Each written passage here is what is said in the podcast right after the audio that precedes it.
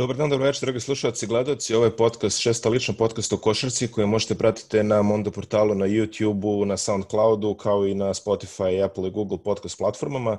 Ja sam Miloš Ivanović, a danas nastavljamo sa trendom internacionalni gostiju pod znacima navoda. A, sa mnom na distancu je Gavrilo Gašo Pajović, bivši igrač budućnosti KK Bosne i Partizana. Gašo, dobrodošao, hvala ti što se odezvao. Hvala tebe puno na pozivu i puno pozdrava. Znači, imali smo priliku puno da pričamo u ovom podcastu sa igračima iz raznih krajeva Srbije, kako su oni odrastali sličnih generacija, tako kao i ti, ove, ovaj, kako su počeli da se bave košarkom. Kako ti pamtiš svoje početke u Podgorici i košarkašku tradiciju vezanu za taj grad?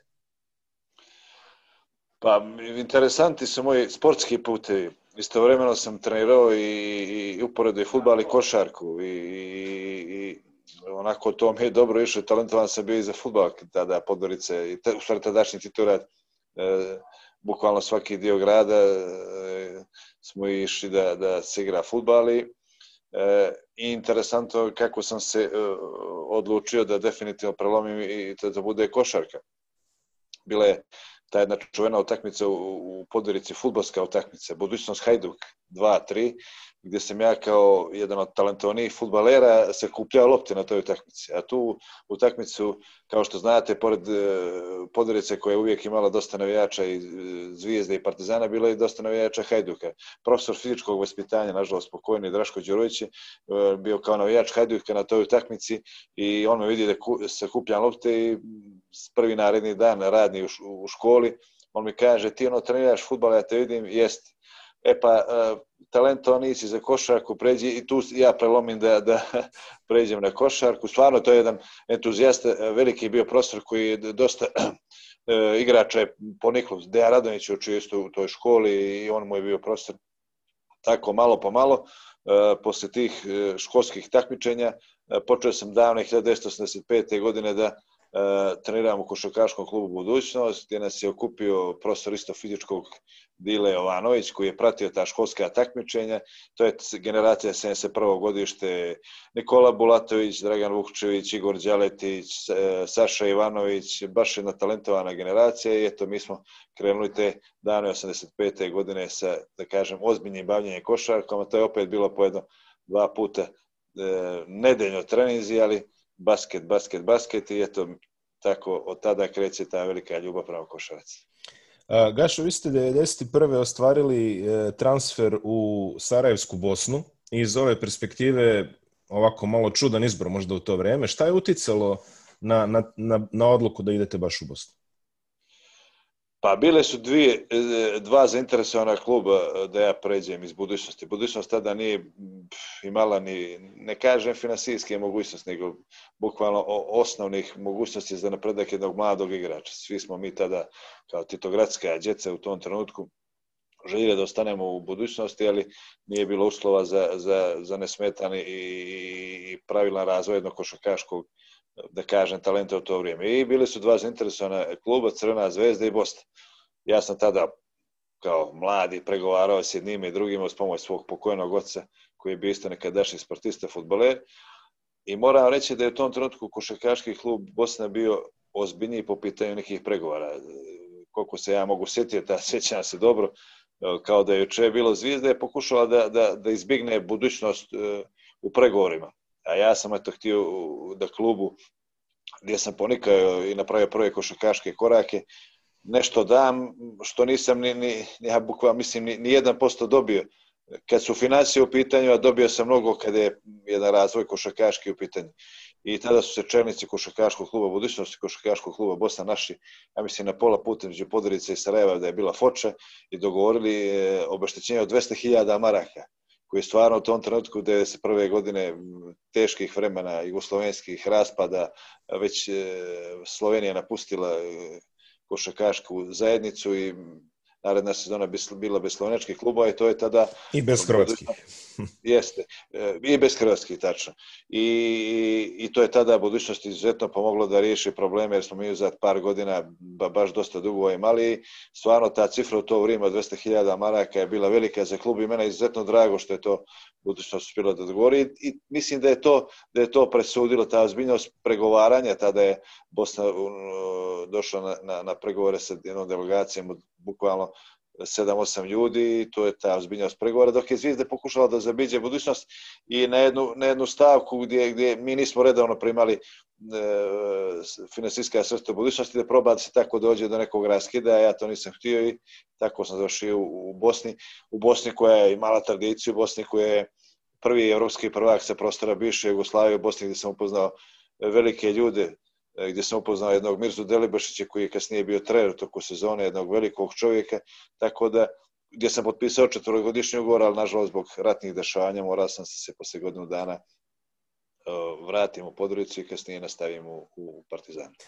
Da se zadržimo uh, samo kratko na toj 91. godini pre nego što se pozabavimo malo temeljnije Bosnom. Tada ste takođe ovaj, imali epizodu u omladinskom timu SFRJ igrali ste e, svetsko prvenstvo za mlade u kanadskom Edmontonu, čini mi se završili ste četvrti. To je bila dosta jaka generacija, Bodiroga, Lončar, Rebrača, bilo je tu još mnogo, mnogo talentovanih. Da, Tarlać, Tarlać takođe. Bio je ovaj iz Cibone, Mršić. Mršić, da. Riddle. Da, dosta talentovana generacija. Dosta talentovana generacija. Dule Vujošević je bio selektor. Jeste. E, kako je izgledalo to iskustvo biti reprezentativac sa stare Jugoslavije, makar i na tom nivou? Pa veliko iskustvo, sećam se. Ja se inače e, više sećam nekih detalja 90-ih, kraj 90-ih, početak 2000-ih nekih nego sad, jer su ovo takmice bukvalno svake dva dana i onda čovjek treba to sve da pohvata. E, sećam se, pripremljeno sam nam bile u Novom Bečeju, hotel je bio Tiski cvet, jedna izuzetno talentovana generacija, sve smo ih nabrojali da ne preskočimo nekoga, to je bio bivši pomoć Zvezde, Borko Radović, da, da, Željko Topalović je bio isto. Željko Topalović jeste moj prijatelj veliki iz Užica i nekadašnji saigrač iz budućnosti. Stručni štab je bio, uh, Dule Ujošić je bio selektor, a Kosta Janko bio pomoćni trener. Prvo prije tog svetskog prvenstva u Edmontonu imali smo uh, mediteranske igre u Solonu gde smo bili peti, gde smo pošli kao reprezentacija Jugoslavije, ali mlada reprezentacija, dok su ostale reprezentacije e, poslale B, B reprezentativce, ali seniorske. Mi smo uspjeli tu da igramo sasvim korektno i zauzmemo peto mjesto. E, što se tiče Kanada, Edmontona, e, Kanade bili smo pri Edmontona na jednom turniru u Ledbridgeu, gdje smo bili desetak dana i pripremali se i mislim maksimalno se spremili za, za svetsko prvenstvo sve to funkcionisalo kako treba, mi smo pružali odlične partije do polufinalnog meča gdje, gdje smo izgubili pola koša od Amerikanaca, gdje, gdje stvarno, e, mislim da je posle toliko vremena uloga sudija na tom meču je bilo izuzetno velika da presude da, da, e, da Amerikanci uđu u, kasnije u finale i, i mi u, ne uđemo i borbi za treće mjesto u neizvestnoj završnici izgubimo od Argentine i zauzmemo četvrto mjesto u, u to, to je bila izuzetno talentovana generacija i kao što smo nabrojali mnogo velikih košarkaških imena su posle napravili karijere, neko manje, neko veće, tako da, ali jedno veliko iskustvo, jedan veliki rad sa, sa Ujošovićem i njegovim stručnim štabom i mislim da mi je to jedno veliko iskustvo za ne samo sportski, nego i celokupan e, životni put. U Bosni zatičete nekoliko ovako izuzetnih igrača sada koji su ili imali velike karijere za sobom ili će tek napraviti velike karijere. Nenad Marković je bio kolega na Beku, jedan od najboljih strelaca u istoriji BH košarke. Uh, jedan od najboljih trojkaša stare Jubo lige, Čuri Vukosavljević je bio ovaj, takođe... Moj kum, inače, da, Čeni, moj kum, jeste, mi smo se bukvalno i živjeli zajedno i do, do dana današnjeg i dok budemo bitisali, bit ćemo ne veliki prijatelj, nego smo eto, ukumili se. Ka, kako čačenje. ga je Zlatko Bolić ovaj nazvao tačka šuter, staviš mu tačku i se pogađaće dok ga ne pomeriš. Je jedna čačanska škola šutera, Čuri je stvarno bio vrhunski šuter. Da, bio je to i Sami Ravdić, e, pokojni Dino Milalović, Teo Bukva, stvarno jedna, jedna grupa izuzetnih ljudi, mlađih igrača, Halimić, Firić, Popivoda. Bio je Primorac kao dosta bitan. Mario Primorac, kapiten ekipe, Predo Radan, znači jedna stvarno grupa odličnih momaka, E, ne samo košarkaška i odličnih momaka, ali već ta prva godina e, Sarajeva osjećalo se da, da će se nešto desiti. Ne, Sarajlije prave su mislili da, da neće biti u Sarajevu rata, ali eto, to nas je, to nas je, mi smo imali tu zadnju utakmicu finala Kupa u Nišu, sa Partizanom, tada evropskim prvakom, mi smo napravili iznenađenje, dan prije toga pobedili Zvezdu u polufinalu i u, u finalu Partizana ubedio, zasluženo je tada su neprekosnoveni bili prvaci Evrope i poslije tenja iz Niša u Sarajevo, bukvalno uh,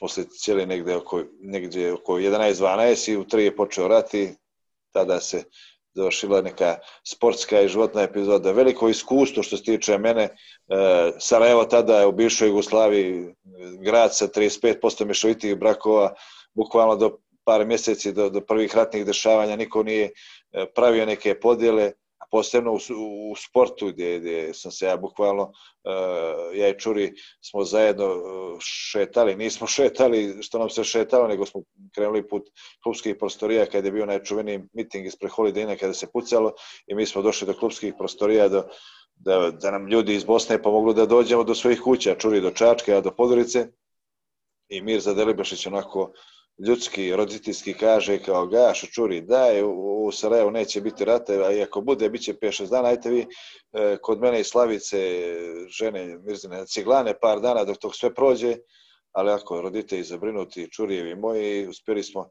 uspjeli smo opet uz pomoć e, sa igrača iz Bosne, Marija Primorce, koji nas je bukvalno kroz Sarajevo od, hot, od stana do autobuske stanice vozio, gdje je već i mrtvih ljudi bilo gdje se pucalo i uspio da nas prebači iz autobuske stanice. Mi smo nekim varednim autobusom pošli prema Novom Sadu, kasnije i Beoradu i čuli za Čačak, ja za Podrici. Ali moram reći jedno veliko iskustvo i dan danas kad pođemo u Sarajevo. Naravno nije to ono isto Sarajevo kao što je bilo tih godina, niti ima još i tih ljudi pravih Sarajlija puno, kao svim gradovima. Svi se nešto žalimo kad dođemo u Beorad, pravi Beograđani kažu, e, nije ovo Beorad kao što je bio, ali Podorica, isto Zagreb, tako ni Sarajevo, ali uvijek mi jedno lijepo osjećanje budi liše tih scena, nažalost, ratnih i uvijek kada se sretnem s pojedinim ljudima koji su bili tada u Bosni, rado se i fino ispričamo, tako da uvijek idemo svake godine na memorial Mirza Delibašića, eh, jednog vrhunskog čovjeka, eto koliki je igrač bio, mislim da je bolje čovjek bio, a možete misliti onda ko, koga je upoznao, kako je sreću imao i u jednom trenutku nekih propagandi razni, njemu se pričalo tako da taj čovjek, ja mislim, brava ne bi u životu zgazio, a nešto drugo napravio. Uh, taj turnir finala kupa koji je odigran u Niškom Čajiru, pobeda protiv Crvene zvezde u polufinalu 20 i koliko 2 4 poena ovaj sa vaše strane zatim samo finale ovaj protiv protiv Partizana. Da li je to bila preporuka za sledeći angažman u crno-belima Pa u tom trenutku Partizan kao osvojač e, Lige šampiona, Kupa šampiona, napravio čudo sa, sa tada bukvalno početnikom trenerom Željkom Bradovićem sa jednim od najboljih bekovskih parova, ne najbolj, jednim od najboljih, nego najboljih e, Đorđević Danilović, koji su kasnije pošli iz Partizana i sigurno da je to bila preporuka i, i, i ta, ta je dobra sezona u Bosni, posebno ta završnica, gde sam ja posle, posle dolaska u Podoricu, sa, tada je glavni čovjek za pregovore, inače i prvi čovjek Partizana bio Dragan Kićanović.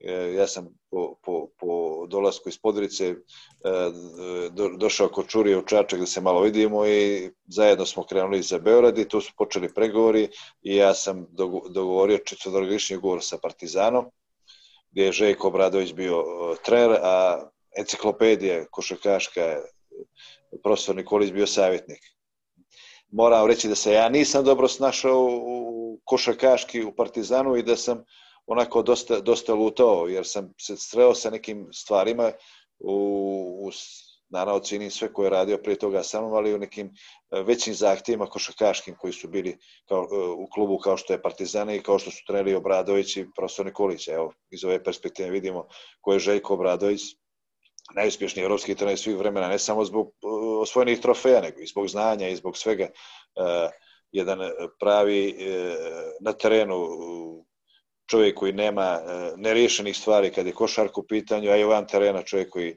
možete sjediti s njim i da popijete čašu viskija i da porazgovarate o košarci i da, da ne samo sportska nego i razna životna iskustva i ja se u Partizanu nisam puno snašao i već posle te prve sezone gde sam imao određenu minutažu. Mi te godine, nažalost, nismo uspjeli da osvojimo ni jedan trofej.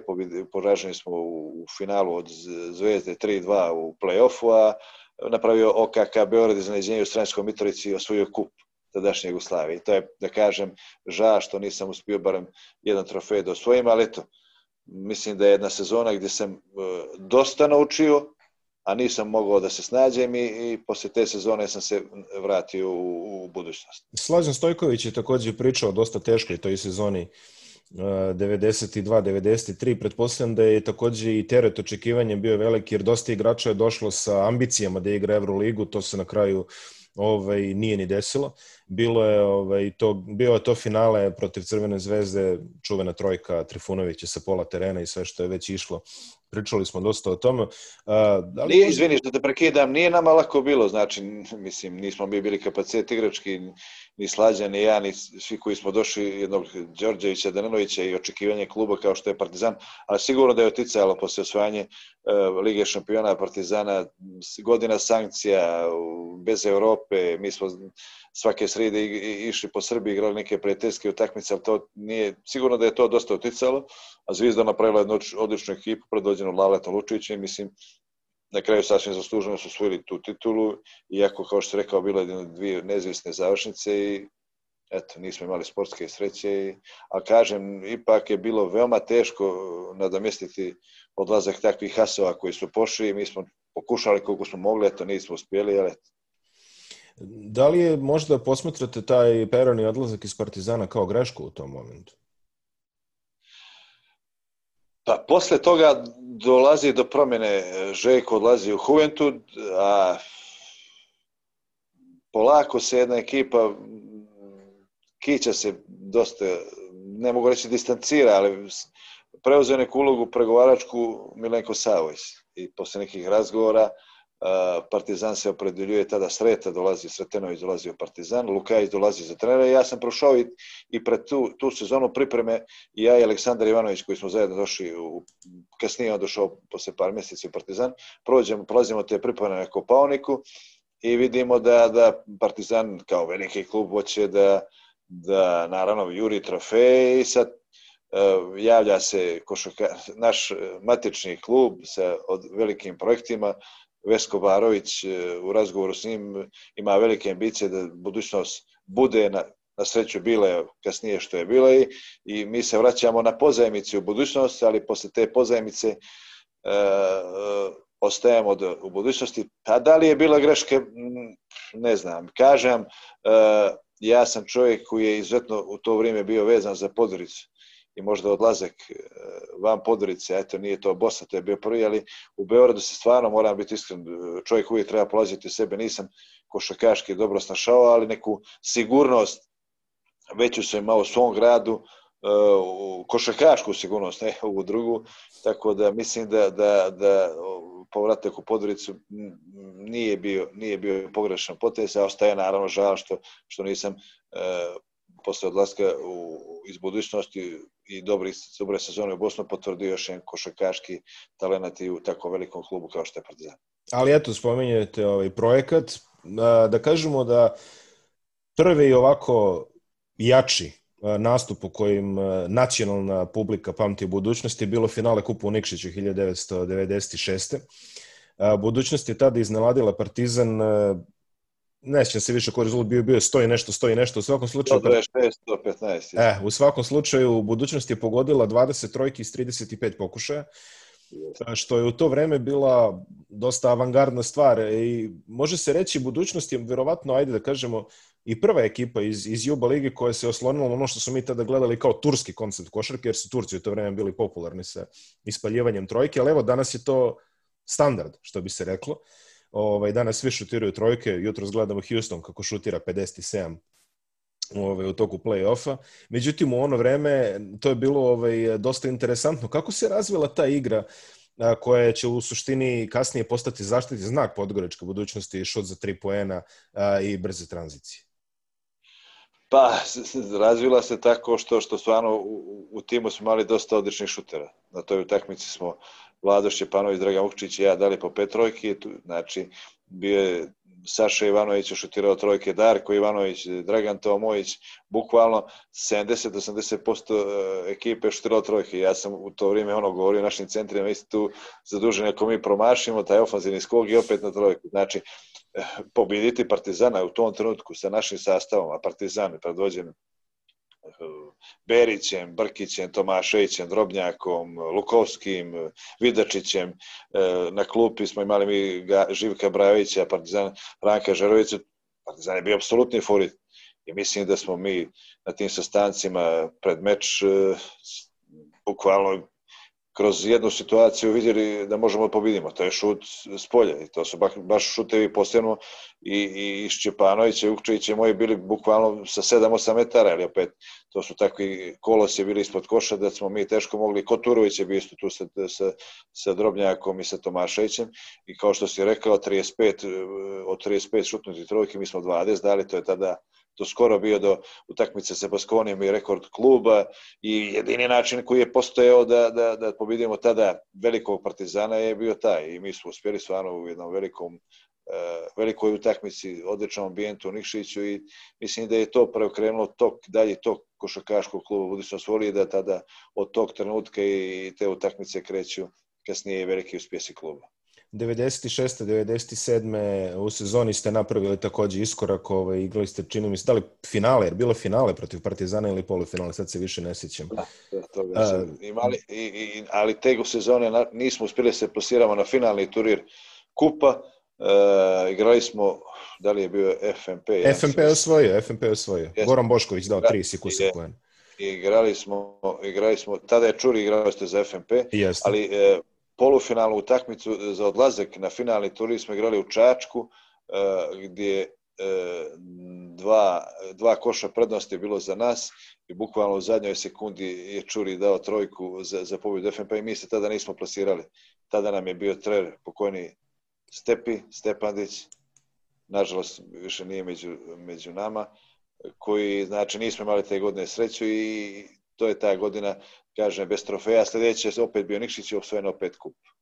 Uh, 97. imate, čini mi se, jedan unikat u playoff seriji. Da li ste pobedili prvo, pa ste izgubili baš teško u Beogradu protiv Partizana, to je bilo 9-6, 9-7.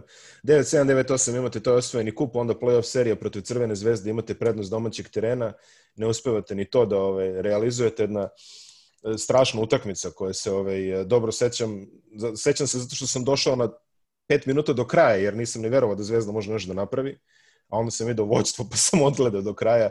Neko je proklizao u zadnjem sekundu, čini mi se da je imao napad, Benčić dao trojku iz kornera, neko vaše proklizo na, ovaj, na, na parketu, ali dolazi do, do preokreta u sezoni 98-99, E, takođe da istaknemo u sezoni 97-98 evropsku avanturu koju ja mislim da nije bio onaj zicer e, Saša Ivanovića protiv Peristerija da biste daleko dogurali a to je stvarno, e, ja sam impresioniran kako, mislim, kako barataš podacima nekim svaka čast. Stvarno, ja mislim da, da pole, Vi ste jurili 17 ste, ili 18, čini mi se. Više jurili, smo, jurili smo da li 16 ili 17, da, da, da. ali da, u, Atini je bilo stvarno noć pred meč, sad sumnja i dalje postoji, par igrača smo ovaj, bukvalno dobili trovanje. Mm -hmm. Da li je to bilo trajanje neke stvari, ja taj meč nisam odigrao u, u Atini i mislili smo da Peristeri tada, mislim da je Jarić igrao, Gurović. Jeste, Gurović, šako da trener, ja mislim. Da. Tako, jeste i,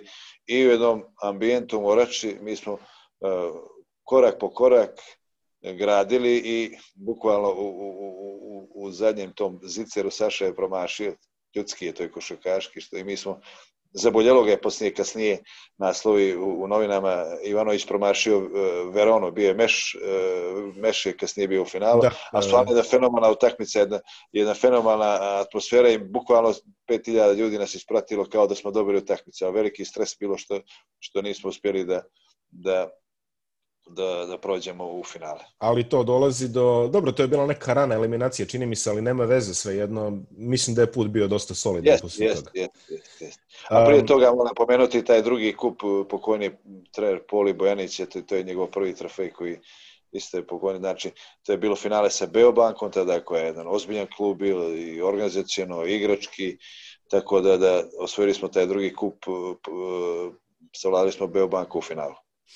98. sezona 98-99 sve on se nekako sklapa ovaj, na svoje mesto. Play-off, nažalost, nije bio odigran eh, zbog uh, ratnih dešavanja, ali imali ste izlaznu poziciju, bili ste prvi i tu dve utakmice... Ali smo izlaznu poziciju i bili smo prvi e, opet e, na sreću promašenog Zicera Načfe i zadnje kolo protiv Beobanke protiv sportova. Da. jeste i, i pola koša je bilo za nas. Beobanka tada ozbiljan klub organizacijani i igrački i trenerski.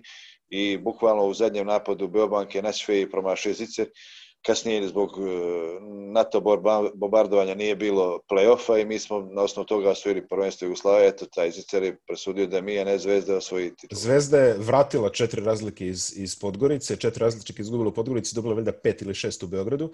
A, hteo bih da pričam o toj utakmici u Beogradu, baš sam nedavno gledao snimak, a, a, gospodin Sudija, sad sam mu zaboravio prezime, je na svoj YouTube kanal a, okačio dosta snimaka. Mažić. Mažić. Tako je, da, da, Mažić, tako je. Znam da ima isto ime kao futbolski sudija, yes. je prezime, i on je okačio taj snimak te utakmice koju ja pamtim kao neverovatno iskustvo. Znači, to, to je bio, to je ko sad kad bi igrali Panathinaikos Olimpijakos, kakva je atmosfera bila, budućnost je dovela gostujući navijače, bilo ih je, boga mi, jedno 200-300 tamo u onom kavezu u Pioniru, bilo je svačega i, ovaj, i na parketu i ovako, ali jedna je stvarno izuzetna utakmica. Jeste, to je utakmica kao što, što si pomenuo Sudio Mažić, on je e, zadnje vrijeme aktivan i na, na YouTube-u stvarno stavio dosta mečeva, a drago mi je što je stavio meče, dosta mečeva koje je sudio budućnosti, vjerujte mi, i utakmice radničke budućnosti Šumica i ovo Zvezde pa, budućnosti iz Pionira. Bukvalno sam odgledao uh, u jednom dahu i ja mu se zahvaljujem što, što je stavio i posjetio se na neka vremena uh, koja, eto, malo izblijede, ali kažem, više se sjećam tih utakmica nego što su... To su bili sportski rivaliteti između budućnosti Partizana i Zvezde. Mene sad kao jednog kažem, normalnog čovjeka, sportistu, jednog crnogorca, vrijeđa da mi u ovakvim ambijentima sad igramo takve, te utakmice. Da jedna ekipa iz Beograda dođe u Podoricu ili jedna ekipa iz Podorice u Beograd i da se dešavaju te stvari, to mi strašno. Kao nekog vaspitanog čovjeka koji je dili ljudi na dobre i loše, ne, ne ko su i šta su, vaspitan sam tako i to su bili stvarno, kao što ti kažeš, to, uh, rivali, rivaliteti, ali tu niko nikoga nije mrzio. Mi smo znali da udarimo... Pa dosta igrača je prešlo posle u budućnost. Mislim, naravno, da... ja, naravno, i, eto, i kroz njihove možda i razgovore možete, i, i mene bi to prelijepo bilo u Beogradu i u Sarajevo i njima u Podorici, ali mi je žao što se sad u ovakvim ambijentima mečevi igraju. Znali smo mi da, da, da ja kažem neke utakmice sad kad pogledam, eto, ozbiljan se čovjek, bukvalno na pragu 50. godine, malo se stidim nekih stvari, ali to su sve bili neki potezi da bi se došao do pobjede. Tada nas nije interesovalo ili plate sutra, ili to 10, 100 ili ne znam koliko hiljada, samo je jedan cilj bio pobjeda, jer živi se do narednog meča s pobjedom, a tuguje se do narednog e, meča sa porazom. I, ali to je sad sve drugačije. Ono, došlo i u evropskoj košarci kao NBA, radujete se posle pobjede jedno minut ili tugujete posle poraza minuti, ali kažem, to je bilo znači na pravi sportski rivalitet e, na terenu i Poslije smo mi... Bili... Jeste, pa ja znam kad sam pričao sa, sa Dejanom Radonjićem posle, posle prve titule ove njegove za Crvenu zvezdu, kad sam seo s njime na pići i rekao mu vidi da sam znao da ću tebe da slavim od svih ljudi, ove, otprilike kao čoveka koji vraća titulu, znaš šta je, rekao ja bi odustao. A posle iz razgovora ovaj, sa, sa igračima, sa Markusom Williamsom koji mi kaže da im je trener striktno zabranio da slave trojke, rekao aha, jel jeste? Rekao dobro, čisto ovaj, da verovatno je nešto naučio iz, ovaj, iz svojih onih aviona što lete ovaj, posle, Jeste. posle svake trojke. Sjajan sastav u budućnosti, čisto da se okrenemo, tada je a, doveli ste Gorana Boškovića iz, iz FNP-a, doveli ste Dejana Radonjića iz FNP-a, takođe čini mi se Bulatović je prešao u tom paketu. Željko Bulatović, Željka Topalović i Saša Radunović. Saša Radunović, da, da, Saša Radunović je došao. A, mi smo, to je Crvena zvezda, je dobila a, Stevana Pekovića koji je igrao, čini mi se, kod vas prošle sezonu. Yes. I, ovaj, ta, i bila je to grupa igrača koja se razmenila, što bi se reklo. Bošković je igrao za Zvezdu i za, i za budućnost, Peković je igrao, posle su posle je bio dosta igrača koji je došao, Topić je došao, uh, Tomašević i, tako dalje. I to se neko... Kuzmanović, pokojni Haris. Jeste, jeste, jeste, da. Puno, puno igrača je to cirkulisalo, tako da Um, ono što, ono što ovaj, e, druga utakmica koju sam teo da pomenem je i, i takođe izgleda da vas prati ta neka sportska karma interesantnih događaja koji se ovaj, dešavaju dok ste vi aktivni, ali imali ste tu priliku da igrate polufinale Kupa Saporte sa Benettonom noć kada je počelo bombardovanje. Znači, Yes. To je bukvalno bilo tada. Benetton izbacio Partizan, u polufinalu je dočekao budućnost. Prvu ste izgubili 15 razlike, druga se nije ni igrala. Ali kako je izgledao povratak ovaj, u Jugoslaviju a, posle, posle tog odigranog meča? Izuzetno ne samo povratak, nego mi smo već e, noć pred meč, a posebno na, na dan u oči meča, dobijali informacije da kreće bombardovanje. Bukvalno, eto sad da krenem s kraja, e, mi smo slećeli, zadnji avion koji je slećeo na Podrički aerodrom i ne znam, već par sati posle toga, ili ne znam koliko, bombardovan je Podrički aerodrom i to se izuzetno e, prenalo na igrače, dosta igrača, treba bježati od toga i ja prvi, ali neko manje, neko više. E, Na samom meču su spoljili tu nervozu jer smo mi bukvalno oscilirali u tom meču. Od minus 15 došli smo na plus 2, od opet minus 15 na minus 2 i na kraju 15 ili 16 razlike je Benetton dobio tu utakmicu.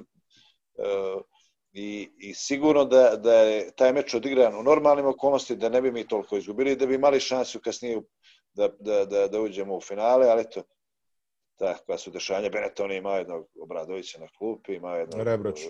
Rebraču, Williams, je li, bješe Jeste, jeste pokojni Henry Amerikanac. Williams, da. Jeste, to jeste pokojni. Znači, još tu par... Jedne, Pa, Ricky Pittis, Bonora, Jeste, Marko Bonora, jeste.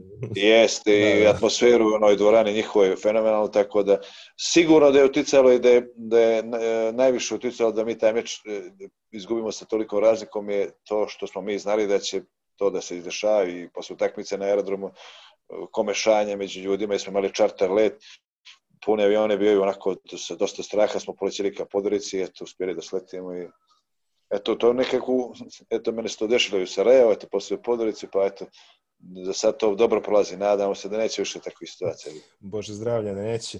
Znaš, Sezona 99-00 Jugoslavija, to je Juba Liga ima dva predstavnika u Euroligi, nijedan ne sme privremeno da igra kod kuće.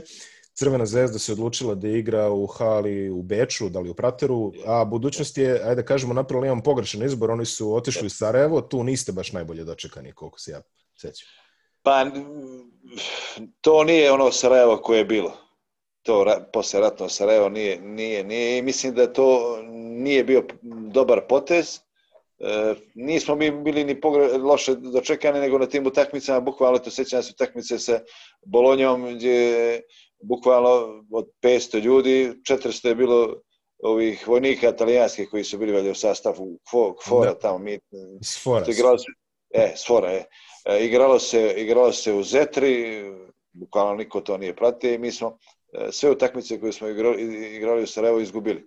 I mislim da se dobrim potezom e, odluke kluba da se pređemo u Budimpeštu i tamo smo uspjeli da se vladamo 3-4 ekipe, da Cibonu, u špansku ekipu Kaha, e, da li, San znam sad, Fernando. Dan Fernanda, tako nešto, i uspjeli smo, i mislim da je taj potez poslije kad smo prešli u Budimpeštu, a da su to stvarno mučenja bila, putovanja, e, autobusi i mađarske vlasti možete sletiti, ali autobus, razne neke prepete, ali uspjeli smo barem da pobedimo nekog i eto u takvim teškim vremenima da, da, da nešto napravimo i kad je Liga šampiona opet. Bolje vam je ležalo nego Zvezdi koja je upisala dve pobede od eh, 16 ili 18 utakmica, više se ne sjećam. Budućnost je stigla do, do eliminacione faze i tu vas je, pa ne bez muke, izbacio Panathinaikos koji će posle biti opet Željko Obradović, opet Rebrača, znači ovi sve, sve stari znanci što bi se reklo. Jeste, imali smo, pobedili smo mi u Podgorici, onako 2-1 izgubili.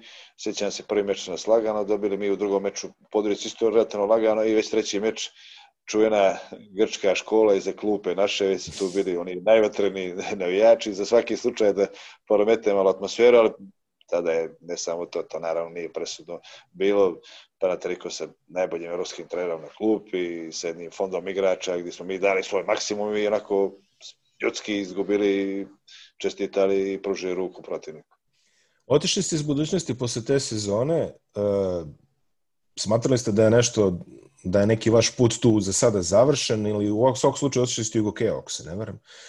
Jeste, bilo je malo, bilo je malo, ja sam neke stvari onako gledao s jedne strane, pojedini ljudi s druge strane, ja sam pošao u Igokeo, bila je ponuda Igokeo, tada ja prije potpisa sam pošao sa par igrača da vidimo šta to Igokeo nudi, vidio sam uslove, vidio sam e, ambiciozne ljude, vidio sam ljude koje vole košarku, jes malo to bilo tada nepoznanica, e, e, ja sam tada putovao, živio sam u Banja Luci i putovao svaki dan sa, sa saigračem Stuparom do, do, do, i tako da i ta sezona uh, uspješna mi je bila što se tiče takmičarska i 2001. godine mi se i sin tamo rodio Feđa uh, u njihovoj što bi rekao u Banja Luci, bolici na Paprikovcu, tako da, e, kažem, isvorili smo tada, igrao se taj, prvo se igrao e, Republika Srpska takmičenje i Kup Republike Srpske, a kasnije i, i turni, ne turnirski dio, nego šest najboljih ekipa. Mm -hmm, kao Super Liga neka. Da. Jeste, dva,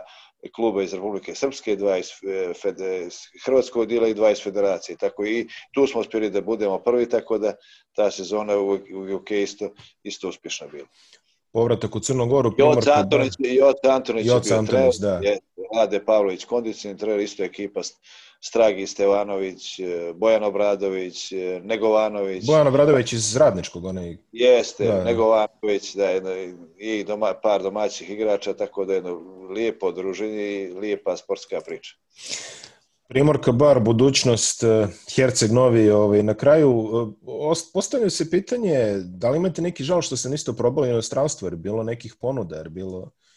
Ima žal, ali kad ja često sretnem, da li je to Podorica ili Beograd, razne priče i nekome uvijek neko drugi kriv. Ovaj trener, niko, nijedan trener nije upropastio nikog ko je predodređen bio za to. Znači, jedan trener može da ne prepozna talent nekog igrača, a prepoznaće drugi, treći, peti trener, tako da mene niko nije bio kriv. Mene je samo uvijek bilo, da mi se samo bilo vratiti u Podoricu i, i, i, i bukvalno uh, bilo je nekih mogućnosti da pođemo na stranstvo, ali, ali mene je to ja sam to tada smatrao kao kaznu, to nije dobro za, za život jednog sportista i to je sigurno uticalo da ja možda više napravim u svojoj karijeri. Da li žalim za tim? Ne žalim jer sam u tom trenutku srećniji bio e, da pođem u Primorku iz bara na pola godine nego da pođem u neku Rusiju, bukvalno na granici sa Sibirom gdje su ugovori ogromni bili, premija posle svake dobine utakmice i nekako mi je to, a to nije e, dobro za jednog sportistu, za jednog igrača koji će ozbiljno se bavi karijerom, ali la, kao mlad mi je mnogo lakše padalo da pođem Podoricu. Znači, moj odlazak Sarajevo, Beograd mi bilo ono kao da sam pošao na, na 100 metara svoje zrade. A već kasnije, kad se oformi porodice, kad se dijete dobije ili djeca kad se dobije, onda je mnogo teže i sigurno da, da, da to nije dobra strana u mojoj karijeri što nisam se uprobao nigde na stranstvu. Ali s druge strane, to može i da bude... Nisam da kažem, iskreno nisam sad imao neke i ve, ogromne kvalitete za neke ozbiljne klube, ali sam mogao uh, za, za neke osrednje klube tada u tadašnjoj uh, košarci evropskoj, koja mislim da je kvalitetnija od ovoga što se sad igra, mogao sam da, da nađem svoje mjesto, ali kažem svojim nekim greškama i sportskim i životnim nisam, nisam, nisam bio na stranstvu. A ono što sam krenuo da kažem, to takođe i može da znači da je kvalitet koji se nalazi u domaćem takmičenju bio dosta veliki i da je možda bio dovoljno veliki sportski izazov ostati ovde. Pa naravno, malo prije smo pričali, rekao si kako smo mi dali 20 trojki u finalu i to neki turski sistem.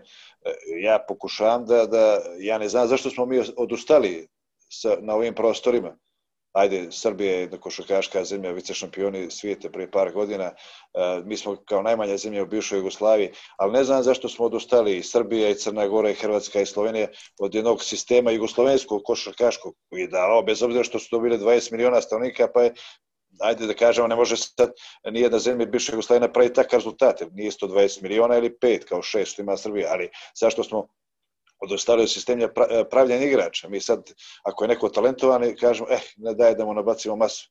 Pusti dijete, ako šutne 10-10 trojki, neko bude šuter. Ja sam gledao na prošle godine na, ovim utakmicama, nisam kod Dekoloa, Rodrigueza i pojedinih igrača RTL-a vidio neku masu i neke mišiće. To su majstori, znači mi treba da se vratimo tim e, e, sistemima i vrijednostima pravljanja igrača, kao što je bilo bivšoj Jugoslavije. Mi sa talentom on kada da mu nabačimo 20 kila, pa mislim, kažem, nešto smo promijenili i kad se tome vratimo i da se vrati entuzijazam trenera u mlađim selekcijama, profesora fizički, fizičkog vaspitanja da prepozna talent djece, mi ćemo uh, i dalje na ovim prostorima praviti velike igrače. Velike igrače, kažem. Uh, napravit ćemo baš zgodnu paralelu, jer eto, vi ste recimo sa šta, nepunih 20 godina bili jedan od vodećih igrača u Bosni, zatim uh, transfer u Partizan sa minutažom. Stiče se utisak da danas uh, mladi igrači dosta teško čine tu tranziciju iz juniorskog u seniorski segment, jer u ono vreme, kad, mislim, u ono vreme Juba lige i sve to, sa 22 godine, ako nemaš ozbiljnu minutažu, a tebi se već pominje kao propalom projektu, a sada sa 22 godine još mlad igrač. Kako smo došli je. do toga ovaj, zapravo? U bivšoj Jugoslaviji sa 18 je bilo, ako nisi, ne možeš, a sad, znate, znate kako smo došli do toga? Dobra stvar što radi budućnost, a vidim je stari klubovi što se o, o, o, prave druge ekipe koje će da igraju da li nacionalna prvenstva ili ABA 2 ligu. Uh, svjedoci smo, ajde da samo uzmemo jedno primjer jedne velike jugoplastike. Vi znate da je jugoplastika pred osvajanje evropske titule dvije godine prije toga ispala iz Jugoslovenske lige morate da istrpite mladog igrača, mladog, talentovanog, vrijednog igrača, ne nedisciplinovog, mladog igrača Magupa, ne Đilkuša, znači morate da istrpite. Da naši, u današnje vrijeme mnogi klubovi nemaju e, strpljenja. Ja se sjećam, moja generacija, ovo što sam nabrao, 71. godišnje, mi smo igrali neku crnogorsku ligu kao 17-godišnjaci, 18-godišnjaci. Mi smo izgubili od Lovćena, od Sutiske, od e, jedne ekipe iz Podrice lokalne, Zete iz Golubovaca. Mi tom, u tom toj sezoni nismo ni mali ni jednu pobedu, ali nama je e, neko procijenio da kod Vukčevića, mene, Bulatovića, Đaletića, Ivanovića ima talenta i oni su na tim utakmicama puštali da mi promašimo e, 5-0 trojke, šutnemo, da izgubimo pet lopti, da se, znači, e, to kod mladog igrača koji zaslužuje, koji ima talenta, koji je vrijedan, koji je radan, to ako ne prođe ne može postati igrač. U današnje vrijeme svi veliki klubovi jure za rezultatima i vrlo je teško mladom igraču da se nametne da, da u nekim utakmicama dobijao određenu minutažu. Ja sam kao 18-godišnjak igrao e, taj zadnja godina Jugoslovenske lige. Imao minutažu preko 30 minuta protiv Jugoplastike, protiv Cibone, protiv Zvije. Ne samo ja, nego to je primjer svih e, igrača koji su i bili veći od mene i Srbije, i Hrvatske, i Slovenije. Jedino to takav način treba. Treba mladom igraču dozvoliti da igra i pustiti trenera koji vodi mlađe selekcije da, da ih on vodi. A da se roditelji malo odmaknu od djece, ne kući, naravno, vaspitanje je osnovno i kući vaspitanje, ali e, došla je situacija da više mi trenerima ne vjerujemo. Na moje vrijeme trener mlađih selekcija su bili zakon, kao što je bio profesor u školi, kao što je bio roditelj u kući, tako je bio trener. Sad svako će da se bavi, svako zna košarku, svako zna futbol, svako zna rukomet I tu se neđe naše djeca gube, izgube samopoznanje, izgube neku miroću. Kad se te stvari opet vrate i legnu kako treba da bude, opet će e, i Beograd kao veliki grad, bukvalno se e, od koliko, dva, tri miliona stanovnika, pa nema igrača. Znači, neke stvari treba da se vrate na neka mjesta kao što su bila, da se zna ko što treba da radi i mislim da, da, da to je kritike mene. Ja sam e, roditelj sina od 19 godina koji, koji na njega ne, ne gleda kao što su na mene roditelji gledali na neki drugi način. Treba se bore, profesionalni sport je težak, nemilosrdan i ako se krene nekim prečicama, tu nema sreće. Kad se vrati uh, institucija trenera u mlađim selekcijama, ali treneri u mlađim selekcijama trebaju da imaju entuzijazam kao što su imali treneri u, u bivšoj Jugoslaviji koji su radili, bukvalno nisu izlazili iz dvorane, nisu imali ono što je kaže bilog dana, opet će biti igrača velikih novih prostorima.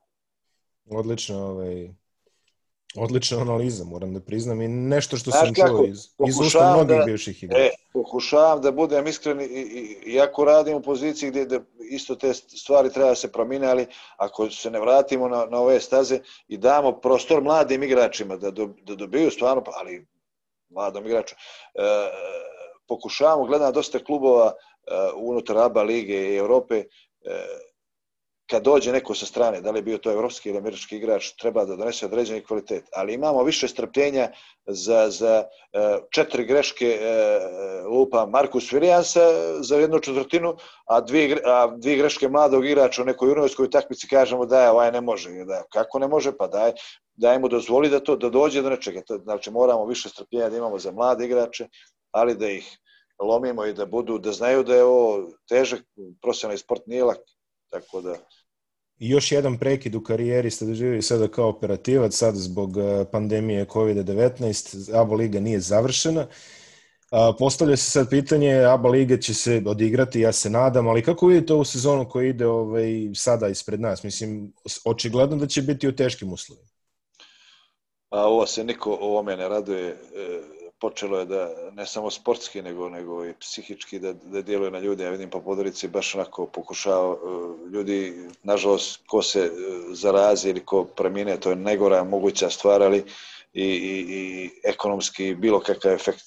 A što tiče sporta utiče, evo gledam momke, eto, bukvalno su iza mene na nekih 20 metara od dvorane, mi su bili na žabljaku, ženji su igre, voljni su igre, mi, e, takve energije na tren, trenzima odavno nisi vidio kad je jedna ekipa budućnosti u pitanju, ali nema utakmice. I kad dođu, pod kakvim su će uslovima biti bez publike, evo, prije neku noć sam mm, gledao finale futbala o PSG Bayern, vjerujte u finale, ja mislim, futbal je sport broj jedan, u onakvom ambijentu, razmislite košarku, ABA ligu bez publike, sa nekim e, turnirima, u jednom danu što su takmica, Ne znam, ne znam. Da li će, ja se nadam da će ta vakcina brzo biti, da će, ćemo uspjeti da do nekim normalnim okolnostima igramo, ali eto, ne znam, pominje se opet odlaganje ABA lige, da li će biti turnira, ono, pominjalo se Laktaše, Podorice, stvarno jedna, jedna, evo mi sad pokušavamo da igramo prijateljske utakmice, sve je otkazano, jedino gdje možemo poći u Sarajevo, turnir, memorialni turnir Mirzin,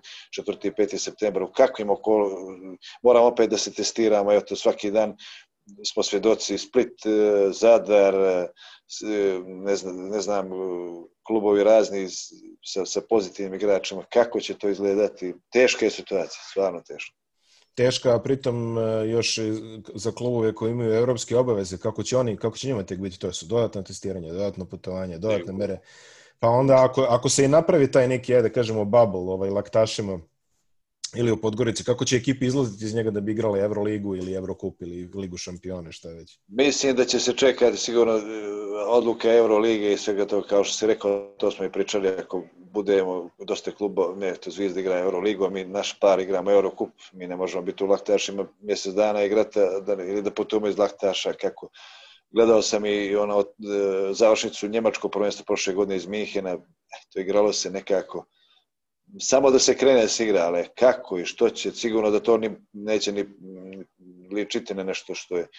Ali moram reći da, da još jednu stvar osvrnuto pomenuo se Aba Ligu, mislim da, da mi je žao što unazad par godina kad je normalna e, e, atmosfera bila i sve, da neko stavlja znak pitanja kad je Aba Liga u pitanju. Vjerujte mi, e, ajde Crna Gora možda ima i najviše interesa, jer smo mali, ali eto, uspijamo, eto, i Lovoćen i Sutiska, evo sad formiraju se studentski centar i Podrica za EBA 2 ligu, nešto se dešava kada je košarku pitanje, ali vjerujte mi da je, kada je EBA liga u, pitanju na ovim prostorima, da je to jedini spas za, za košarku. Jer kako ćete vi ostaviti jedno vrhunsko trenera, da bude to Bradović i došao sad u Zvijezdu, kako ćete ga dovesti ako Zvijezda igra samo uh, prvenstvo Srbije ili nekog igrača, nekog sponzora. Ja, moje mišljenje nekako sportsko, eto, imam interes, eto, sportski sam direktor kluba, koji ako bi igrao samo Crnogorsku ligu i Evropu, da nije to, to ali mislim da je Eva Liga naravno uz svak, svake godine nova usavršavanja i organizaciju, da je to stvarno jedna perspektiva i da bi to trebalo svi da podržimo kad je region u pitanju. Bojim se da će odgovore na naše pitanje davati epidemiolozi, a ne ovaj, košarkaški radnici, ali ajde da ostavimo te crne misli po strani i da završamo ovo polako, pa da kažemo za, za kraj, ono moje pitanje, koje su tri najteže igrače bilo začuvati u, u karijeri, a evo igrali ste protiv svih ono velikih juba igrača koje ja pamtim. Da, pa jedan od najvećih, Saša Đorđević, to je bio nezaustavljiv igrač. Saša je bio stvarno vrhunski igrač.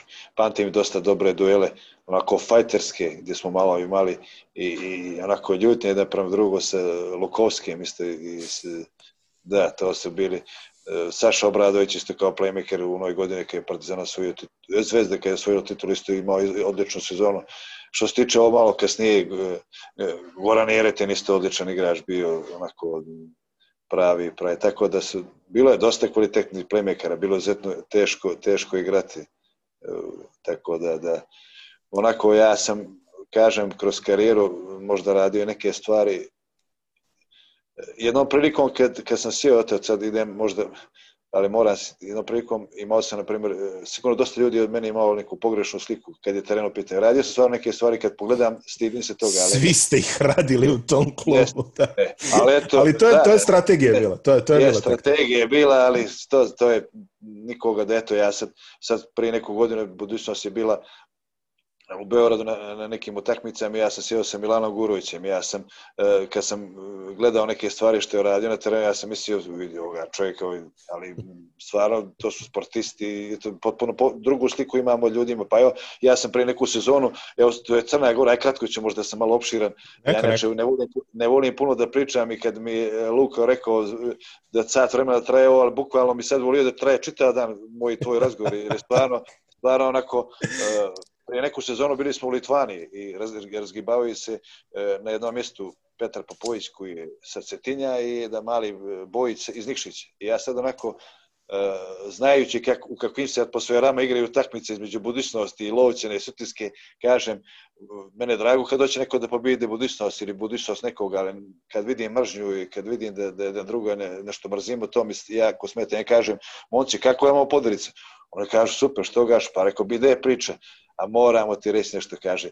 Da smo slušali nekoj, neke starije ljude koji nešto pričaju na Cetinju, nikad ne bi nikad došli u Podrica. Ja ka, volim da budemo mi, e, jer ja imam svoje dite, volim da se prema njima neko hodi, da ne samo e, na terenu, nego i van terena da budemo roditelji, da se sva djeca koja dođu ne samo iz Crne Gore, nego i Srbije, iz Hrvatske osjećaju kao ko svoje kuće, Tako da, ali na nekim utakmicama kad bi neko gledao i rekao bi ovaj nekoga da, da, da, da bude dobar pro nekog, tako da ako sam nekoga uredio, izvinjavam se. Sad kad da sam tu u to vrijeme imao dijete ili djecu, ne bi radio neke stvari. To je bilo jače, bilo je, bilo je jače. A dobro, da, do, adrenalin, ali, veliki su motivi da, bili, ne, možemo je. sve da razumemo, mislim, u svakom slučaju. Možemo ali razumemo... Nismo, nismo, nismo mrzili, e, i ni ja nisam mrzio igrača iz Beograda, niti igrač iz Beograda mrzio igrača iz Podrice, te stvari, te stvari su bile na terenu se završe i kasnije se mi teško ispričam, ali sjedemo i pružimo ruke na drugome i to je nevažno. Pa dobro, eto, bilo je i na Cetinju dobra atmosfera, to je bio Mio Kade je trener, pa bio je Ranko Čarape, čini mi se kao glavni play tamo, Bogavac je bio. Nego neke,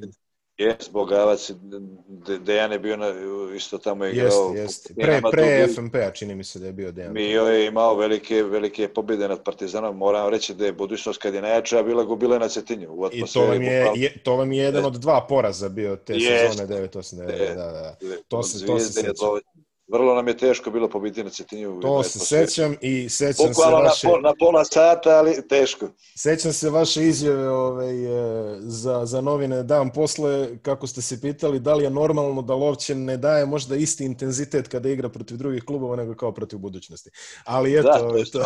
ali to kao igrač možda nisam, ali sad potpuno razumijem, sad mojim igračima kad oni kažu pogledaj Gašo šta nam rade, on rekao, pa rade nam za to što ona igrač iz Loćene i ona iz Sutiske, prije toga iz Mornara, eto sad Mornar je na jednom velikom nivou, ali prije je bio na, nivou Crnogorske lige, hoće da kaže da je bolji od vas i da dođe u budućnost, tako da ja kad je sportski motiv u pitanju i kad je e, na terenu igrač sve uradi da dobije protiv neke i hoće da jednog dana dođe u veći klub, ja to podržavam, i, ali kad počinjemo da se mrzimo i da, da se tribina čujemo neke stvari koje nisu primjerene ni, ni crnogorskom ni srpskom narodu, koji su dva najbliža naroda, to me, to me nervira dosta i ja se nadam da će mečevi u narednih sezona igrati se u normalnim, normalnim, normalnim atmosferama. Pa za početak igraće se bez atmosfera, a dalje možemo već da gradimo ovaj, yeah. neke normalni odnose. Gašu, a evo i mi ovim razgovorom isto gradimo. Mi, ja mislim da pa smo pa, razgovorom gradimo nešto što, što u stvari treba da bude tako. Bude da, ja sam, ja sam kada je Crvena zvezda igrala finale protiv e, budućnosti pre dve godine koje je budućnost ovaj, pobedila sa 3-1, ja sam napisao tekst o povratku omiljenog neprijatelja ovaj, u, u, u finala. I ovaj, tu, sam, tu sam baš napisao sve o tome, o toj budućnosti koju ja pamtim i tako dalje. I pošto... Pričamo o sezoni promašaja Zicera Lesora i Ferdinanda. Taj, taj, taj, taj. Hvala na podsjećanju, nije moralo, ali... Ne, ne, ne, ovaj, izvini, izvini, ne, ne, ne, kažem, šalim se, tada se isto digla, pa eto što je košarka, znači, tada se digla isto velika buka. Vjeruj mi, kao što smo mi te sezone teško, ali zasluženo osvojili titulu, tako i one sezone sa Repešom, kada se, mm kad su bile i u Beogradu prve dvije utakmice, kasnije u Podricu dvije utakmice i peta u Beogradu, znači sasvim zaslužena titula Zvijezde, gdje su nas bukvalno u, sve, u svim mečima u Beogradu po 20-30 na trenutku 40 razlike vodili, znači. Znači, to su, to su titule stvarno naše za ponos, ali protiv velikih ne, klubova. Mi, smatramo, mi, ono, smatramo, što... svi, mi svi u Podorici smatramo i Zvezdu i Partizana i ne samo mi igrači, ne samo igrači, nego i mi u klubu i naši navijači i varvari, stvarno za jedne velike klubove sa ovih prostora. To su neki to je ono, ono što samo, samo da završim, jedan moj brat ovaj, koji, koji živi u Podgorici je ovaj, odneo to štampo i odneo u kafić, kako mi reče, Drago Vukčević da ima neki kafić. Dragan ima, držao da, je, držao je na kafić. Da, držao, držao je kafić. I, I kaže sad on, sad on uzima to i, i pokazuje njome, kaže, vidi što ste se setili u Beograd, rekao si mu, rekao da sam ti brat pre nego što si mu pročitao ovaj, to, pošto mislim, Drago Vukčević je meni bio đavo, znači, otprilike ono kad ga vidim sa onom Mijatovkom frizurom i sve kako pogađa trojke, ovaj, to onako, ovaj, kosa mi se dizala na glave, ali eto, kažem sad, 20 godina posle ili koliko već ovaj, i smešno je što eto, on sad njemu donosi u ovom, kaže, bilo mu je drago što ga se neko setio, makar i u tom kontekstu. Ovaj. Ali dobro, takve su ono što bi rekao, sednemo posle, popričamo, jeli, i sve bude u redu. Gašo, mi bi se sad mogli ovako ono još tri sata što ti lepo ovaj, što ti lepo vjeruj kažeš. Mi, e, vjeruj mi ja kako godine prolaze i pokušavam da budem sve manje medijski eksponiran zbog raznoraznih razloga. Mm -hmm i kada mi je Luka, naš potporo, rekao da ćeš me zvati, ja sam to prihvatio onako, ali kad mi je poslao, kad si mi poslao trebaće sat vremena, uf, činjelo mi se, ali vjeruj mi da bi sad ostao, do, do, do, kad ovako ljudski iskreno pričamo, ostao bi duže, tako da pa, znam, pa tako... Hvala ti puno, puno na pozivu i ja sam ponosan što sam eto, bio dio tvoje emisije i uvijek kad god što treba i sportski i ljudski da porazgovaramo, tu sam. Hvala ti Gaši, nadam se da ćemo se vidjeti na nekoj utakmici koja nam nalazi. Hoćemo, je sigurno, nadam se da ćeš ti doći do Podorice i mi ćemo Pa mogu bi, nisam bio odavno. Tako da, da se bolje upoznamo, eto, i pozdrav svim spor, ljubiteljima košarke u Srbiji. I u Crnoj Gori. Hvala, hvala. hvala. hvala.